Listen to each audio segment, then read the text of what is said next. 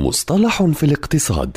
في كل حلقة يطرح المدون وصانع المحتوى الاقتصادي مجدي النوري مصطلحا اقتصاديا محددا بلغة سهلة وبسيطة.